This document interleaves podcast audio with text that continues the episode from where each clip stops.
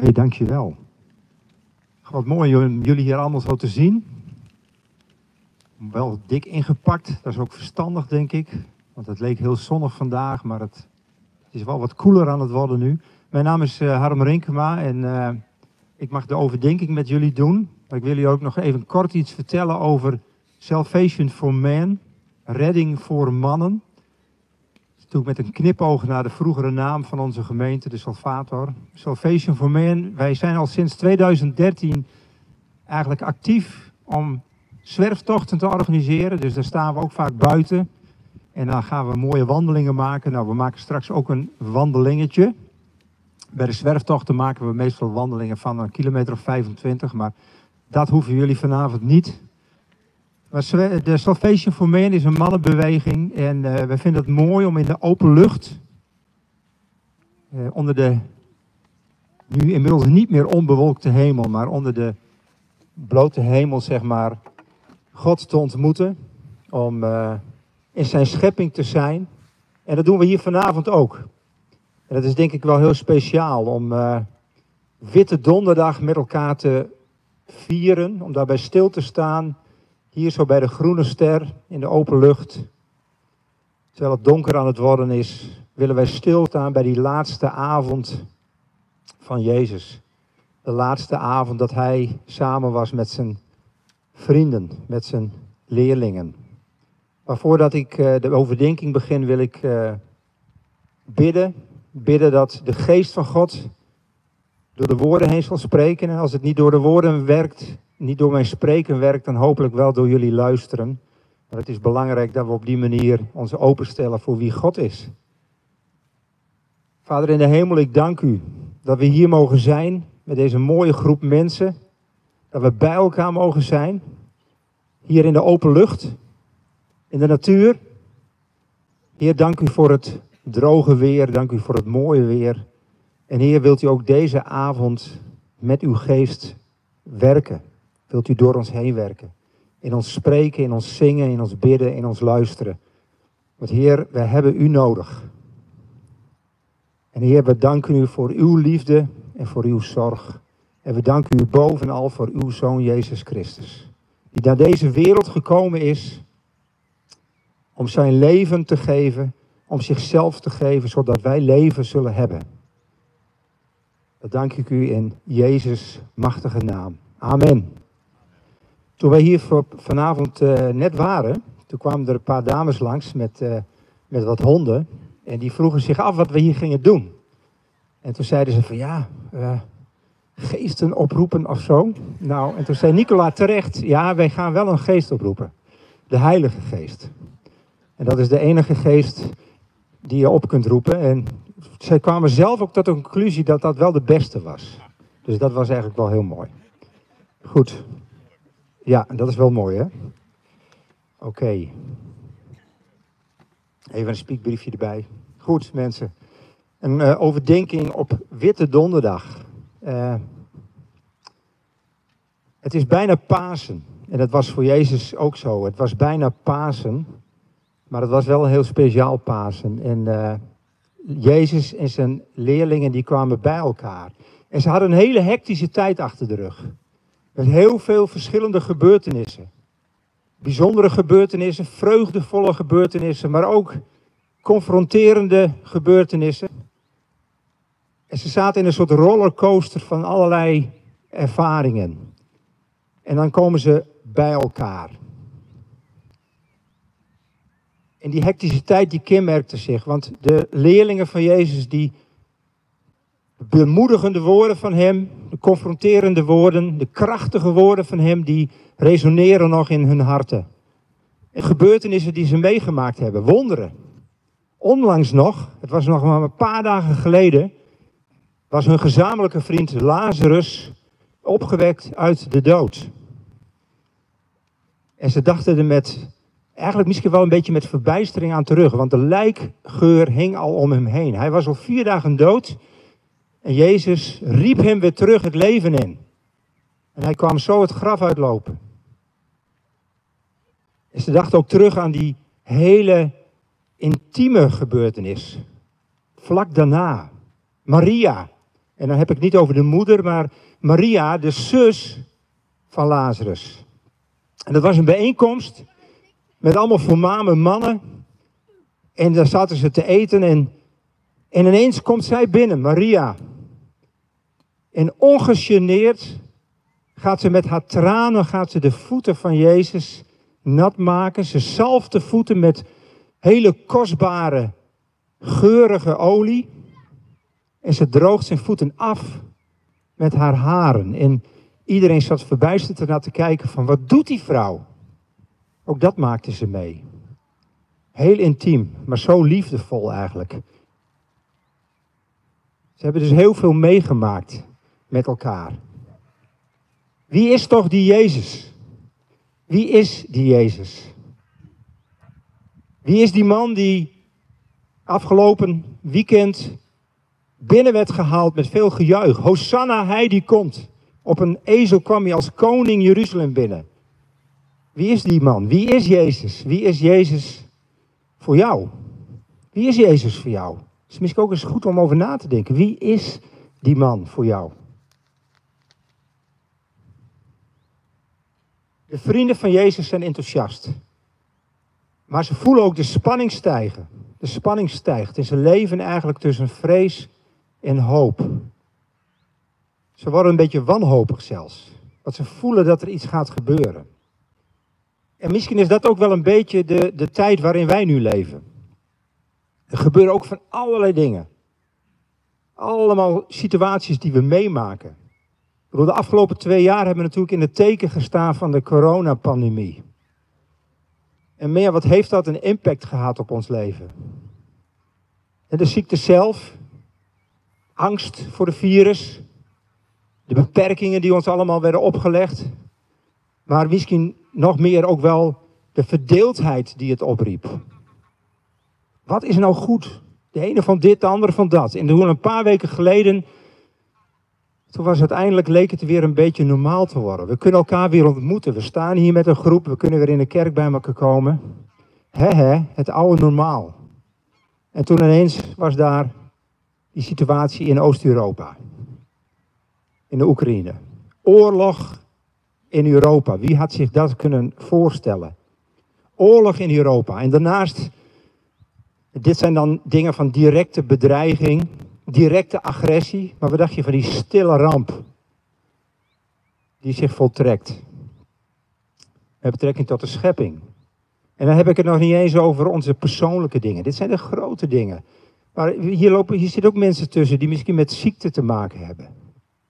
Die met verlies te maken hebben. Die niet meer weten hoe ze financieel de eindjes aan elkaar moeten knopen. Je zou er toch wanhopig van worden. Je zou er toch wanhopig van worden wanhoop. Of wanhoop. Dat is het thema eigenlijk van deze overdenking.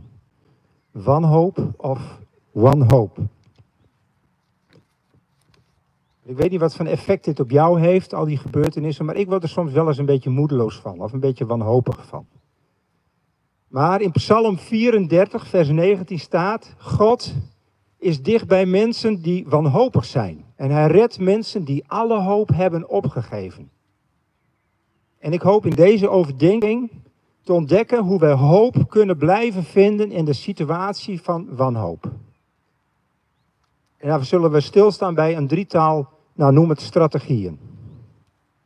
En ik, zo, ik hoop, ik hoop dat je hoop zult, dat je zult ontdekken dat hoop niet iets is van nou we moeten maar afwachten of het goed komt, of het gaat gebeuren. Nee, dat is geen hoop. Hoop is niet een droom. Nee, hoop is datgene wat dromen waarmaakt. Want onze hoop is gebaseerd op de liefde en beloften van God. Hij is degene die ons hoop geeft en onze dromen laat gebeuren, die onze dromen laat uitkomen.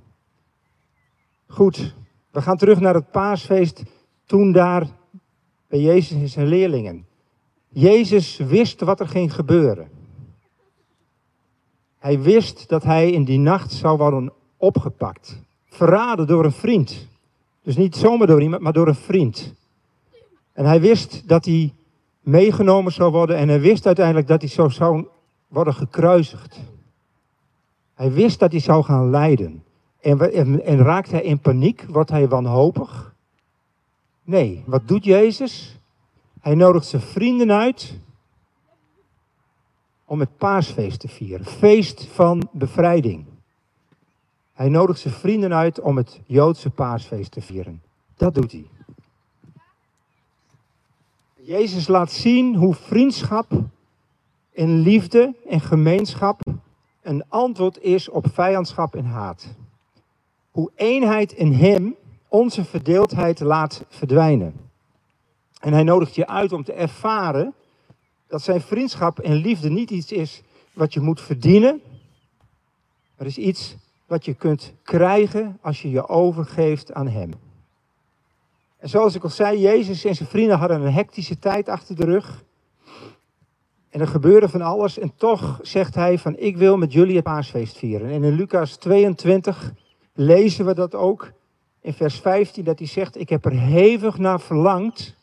Vurig staat er ook wel in een andere vertaling. Om dit feest met jullie te vieren. Hij heeft er naar uitgekeken. hij wist wat er zou gaan komen. En hij wist en ik denk dat dat hem misschien ook wel bezig hield, maar hij denkt, ik wil nu op deze avond samen zijn. Bij mijn vrienden zijn.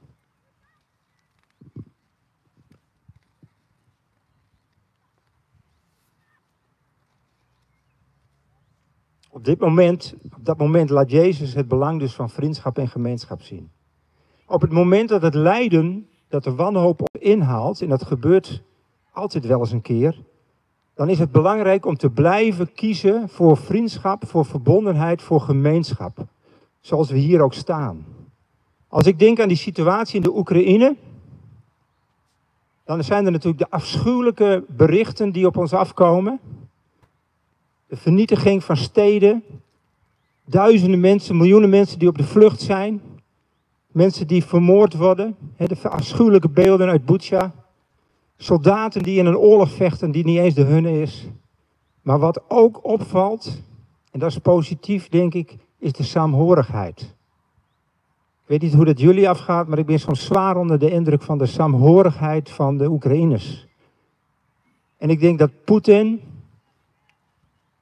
ergens gedacht had dat hij verdeeldheid zou kunnen zaaien. Verdeeldheid in de Oekraïne, maar misschien ook wel verdeeldheid in Europa. En ik denk dat dat heel vaak het instrument is van de vijand, verdeeldheid zaren. Maar wat gebeurt er? Er is saamhorigheid, er is verbondenheid. En dat is belangrijk. Ook in tijden van wanhoop is het belangrijk om gemeenschap en vriendschap te ervaren en dat te zoeken. Op diezelfde avond, en dat staat in het Johannesevangelie, op diezelfde avond sprak Jezus een gebed uit. En hij zei, dat staat in de Johannesevangelie, hij zei, Vader, laat hen allen één zijn. Laat hen allen één zijn. Zoals u in mij bent en ik in u, laat hen zo ook in ons zijn, opdat de wereld gelooft dat u mij hebt gezonden. In een periode van tegenslag, uitzichtloosheid of wanhoop, is het van levensbelang om eenheid en verbinding met anderen te blijven zoeken en te ervaren. Want gedeelde smart is halve smart. En gedeelde vreugde is dubbele vreugde. Dat is gewoon zo. En het is belangrijk om te beseffen dat die eenheid niet gebaseerd is op dat we het allemaal eens zijn. We zijn het nooit allemaal eens. Dat is niet gebaseerd op het feit dat we allemaal hetzelfde denken of hetzelfde doen. Maar die eenheid is gebaseerd omdat God één is. En dat God ons bij elkaar gebracht is, heeft. Hij maakt ons één. Tweede punt. Tijdens die maaltijd, het laatste avondmaal, spreekt Jezus ook twee keer het dankgebed uit. Hij dankt. Ondanks de dreiging, ondanks dat hij weet wat er gaat gebeuren, is hij dankbaar. En dat is een andere strategie in de wanhoop. Dankbaarheid. Hij zegt dank, dank, dank God voor alles wat hij geeft. Dat is genade. Wij gaan straks het avondmaal vieren. En in de Rooms-Katholieke Kerk wordt dat ook wel Eucharistie genoemd. Dat is dankzegging, dankbaarheid. Zelfs op dat moment was Jezus dankbaar. En dankbaarheid Dankbaarheid is eigenlijk een beetje de ruitenwisser van de ziel. En we weten allemaal hoe belangrijk het is in de winter, met name of in de herfst, dat je ruitenwissers het goed doen. want als die het niet doen, dan raakt je raam besmeurd en dan verlies je je uitzicht en dan wordt het gevaarlijk op de weg. En dan moet je eigenlijk eerst je ruitenwissers weer, weer goed maken. En zodra die weer goed zijn, dan heb je weer zicht, dan heb je weer perspectief, dan heb je weer uitzicht. En zo zijn, is dankbaarheid is een ruitenwisser voor onze ziel. Het maakt onze ziel schoon. En waar echte dankbaarheid ontbreekt, gaat het uitzicht verloren. En raken we het spoorbijster. En verliezen we de hoop. Dan worden we wanhopig. En dankbaarheid is het positief tegenovergestelde van ontevredenheid, onvrede. En het is belangrijk om te beseffen dat dankbaarheid niet het resultaat is van iets goeds. Het is niet alleen een gevoel, maar dankbaarheid is een soort geestelijke discipline. Dus dankbaarheid, dat beoefen je. Het is belangrijk om daar waar onvrede en wanhoop heerst, om dankbaar te zijn. En dat zijn hele simpele dingen. En daarom is het ook goed om elkaar daar soms ook aan te herinneren. Waar ben je dankbaar voor? Waar kun je dankbaar voor zijn? Gewoon de kleine dingen. Gewoon het feit dat we hier staan, dat het droog is. Een glimlach op het kind, eh, op het gezicht van een kind. Bloemen die nu weer gaan bloeien. Nou, en zo zul je zelf misschien ook een aantal dingen bedenken. waar kun je op dit moment dankbaar voor zijn? Want daar waar onvrede en ontevredenheid de wanhoop voedt, geeft dankbaarheid uitzicht en zicht op hoop. Na de maaltijd, we gaan even weer terug naar de situatie, die laatste avondmaal. Na de maaltijd ging Jezus met zijn leerlingen, met zijn vrienden naar de Hof van Gethsemane. Is eigenlijk een soort tuin, een soort boomgaard. En we lezen daarin Lucas 22 over. Daar ga ik een stukje over voorlezen. Daar staat Jezus verliet de stad en ging zoals altijd met, naar de Olijfberg. Zijn leerlingen gingen met hem mee. En toen ze daar aangekomen waren, zei hij tegen hen: Bid dat jullie je geloof niet zullen verliezen door wat er gaat gebeuren. Eigenlijk zegt hij hier: Laat door wat er gebeurt om je heen of in de wereld of wat er gaat gebeuren, laat dat je niet wanhopig maken. Verlies de hoop niet. Blijf hopen. En dan lees ik even verder. Hij liep een eindje van hen vandaan en ongeveer een steenworp afstand knielde hij neer en begon te bidden. En hij bad, Vader, laat mij alsjeblieft niet de beker van uw straf leeg hoeven drinken. Maar ik zal niet doen wat ik zelf wil, maar wat u wil. Toen kwam er een engel bij hem om hem kracht te geven. En daarna bad hij nog vuriger en hij begon zo bang te worden dat zijn zweetdruppels veranderden in bloeddruppels die op de grond vielen. En toen hij klaar was met bidden, stond hij op en ging naar zijn leerlingen. En hij merkte dat ze van verdriet in slaap waren gevallen. En hij zei tegen hen: Waarom slapen jullie? Sta op en bid dat jullie je geloof niet zullen verliezen. Weet je, je kunt soms wakker liggen van zorgen.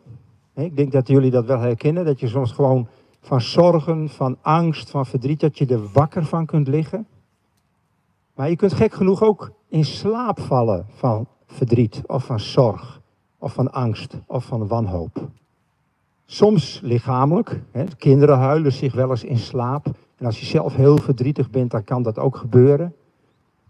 Maar er is ook een zekere vorm van geestelijke slaap. Misschien herken je dat. Dat je op een bepaald moment dat zo zat bent, alles wat er op je afkomt, via het journaal, via social media, alles wat je hoort, alle ellende, alle zorgelijke berichten, alle pijnlijke berichten, alle confronterende berichten, dat je het plaats helemaal zat bent. En dat je denkt, ik wil het niet meer zien. Ik wil het niet meer zien, ik wil het niet meer horen, ik sluit me er helemaal voor af. Herken je dat? Dat je soms denkt, laat alles maar. Ik heb dat wel bij tijden. dat je het liefst eigenlijk op de bank kruipt en een beetje in een feutushouding gaat zitten. Vlieskleedje om, extra glaasje wijn, of een kopje thee voor de verstandige mensen onder ons. En dan ga je na drie seizoenen Netflix-series nog maar even wat dieper wegkruipen onder dat vliesdekentje. Want je wil het allemaal niet meer zien.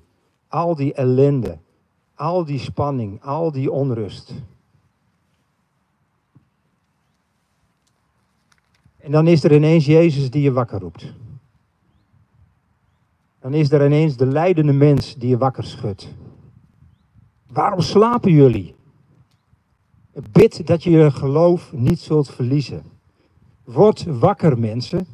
Open je ogen, open je hart. Tuurlijk wil je af en toe afsluiten voor al dat vervelende. Dat zullen jullie hebben, dat heb ik. En soms is dat ook heel verstandig. Een beetje selectief zijn in wat je allemaal binnen laat komen. Net als met eten. Soms lijkt het heel aantrekkelijk, maar als je er veel te veel van binnen laat gaan, dan is het niet goed. En dan moet je soms ook wat, wat selectief in zijn. En zo is het ook met informatie, maar toch uiteindelijk ga je wel weer eten. Dus sluit je niet af. Ga geestelijk en emotioneel niet in slaap vallen. En dat is dus eigenlijk een derde strategie. dus die vriendschap en die gemeenschap, de dankbaarheid, maar ook wees wakker. Wees wakker want op het moment dat je in slaap valt, op het moment dat je denkt van ik wil het allemaal niet meer zien. En dat was natuurlijk met die leerlingen van Jezus ook zo. Ze vonden het allemaal zo spannend en zo verdrietig dat ze gewoon in slaap vielen. Ja, dan maakt hij hun weer wakker.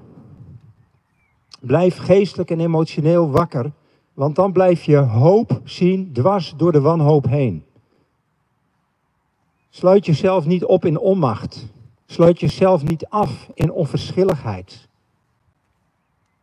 En weet dat Hij, Jezus, voor je bidt. En dat Hij strijdt, zelfs als jij het even niet kunt. Zelfs als jij van verdriet en wanhoop in slaap bent gevallen. En het gebeurt af en toe. Maar dan is er Jezus. Die zegt, hé hey joh, word wakker. Word wakker.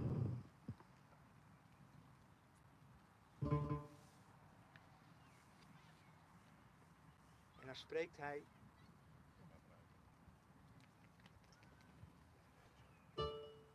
Hij doet het weer. En dan spreekt hij tot je. En God spreekt soms tot ons door de schoonheid. C.S. Lewis, dat is een Engelse schrijver, die zei: God fluistert tot ons door de schoonheid. Van een bloem, van een vogel, van de natuur om ons heen. En God spreekt tot ons door de redelijkheid. Dat soms dingen gebeuren, zeggen: ja, er zit wat in, dat is goed. Goed om over na te denken. En zegt hij: God schreeuwt tot ons door het lijden en de gebrokenheid heen. Het lijden, de gebrokenheid is Gods megafoon, waarmee Hij een slapende wereld wakker maakt. Word wakker. Goed, we gaan nog even terug tot slot naar die maaltijd. Judas is weggegaan. Judas ging weg om zijn meester te verraden. Maar de sfeer wordt er ook niet beter op. Je moet het maar eens lezen in Lucas 22. De sfeer wordt er niet beter op, want de andere leerlingen, vrienden, die beginnen een beetje te discussiëren met elkaar van wie het belangrijkste is. Onbegrijpelijk. Onbegrijpelijk dat ze eigenlijk gaan bekvechten over wie is nu het belangrijkste. En Petrus, altijd het haantje de voorste, de meest fanatieke en de meest enthousiaste leerling misschien wel, die krijgt het eigenlijk ook voorlangs. Want Jezus zegt tegen hem, ja Petrus, ook jij zult mij verloochenen. Nee, zegt hij, dat kan toch niet? Ik niet. Jawel, ook hij. Wat moet hij teleurgesteld zijn? En soms merk ik, soms kun je zo teleurgesteld zijn in mensen. En vaak ben je zelf die mens. Dan ben je soms zo teleurgesteld. En wat zal Petrus ook teleurgesteld zijn geweest? Want dan doe je niet wat je wil. En wat je niet wil, dat doe je wel. En dan schiet je je doel voorbij. En dat noemen we zonde. En dat is ook zonde. Dat is jammer. En toch, daar gaat het om. Daarvoor is Jezus gekomen. En daarvoor gaat hij die weg, ook deze nacht.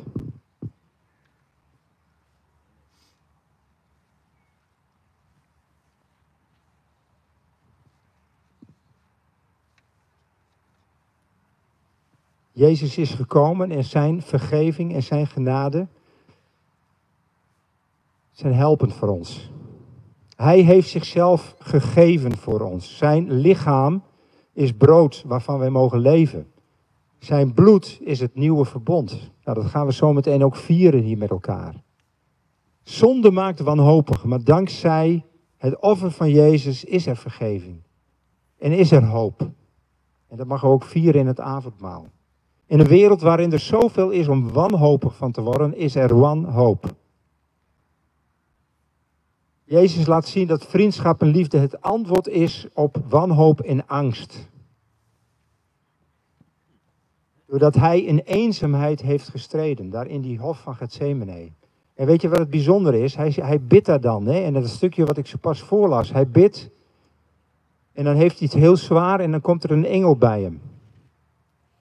En die engel die komt dus niet bij hem om hem uit die strijd te halen. Die engel komt er ook niet om het van hem over te nemen of het makkelijk te maken. Nee, die engel komt er om hem kracht te geven. En daarna wordt het nog heftiger.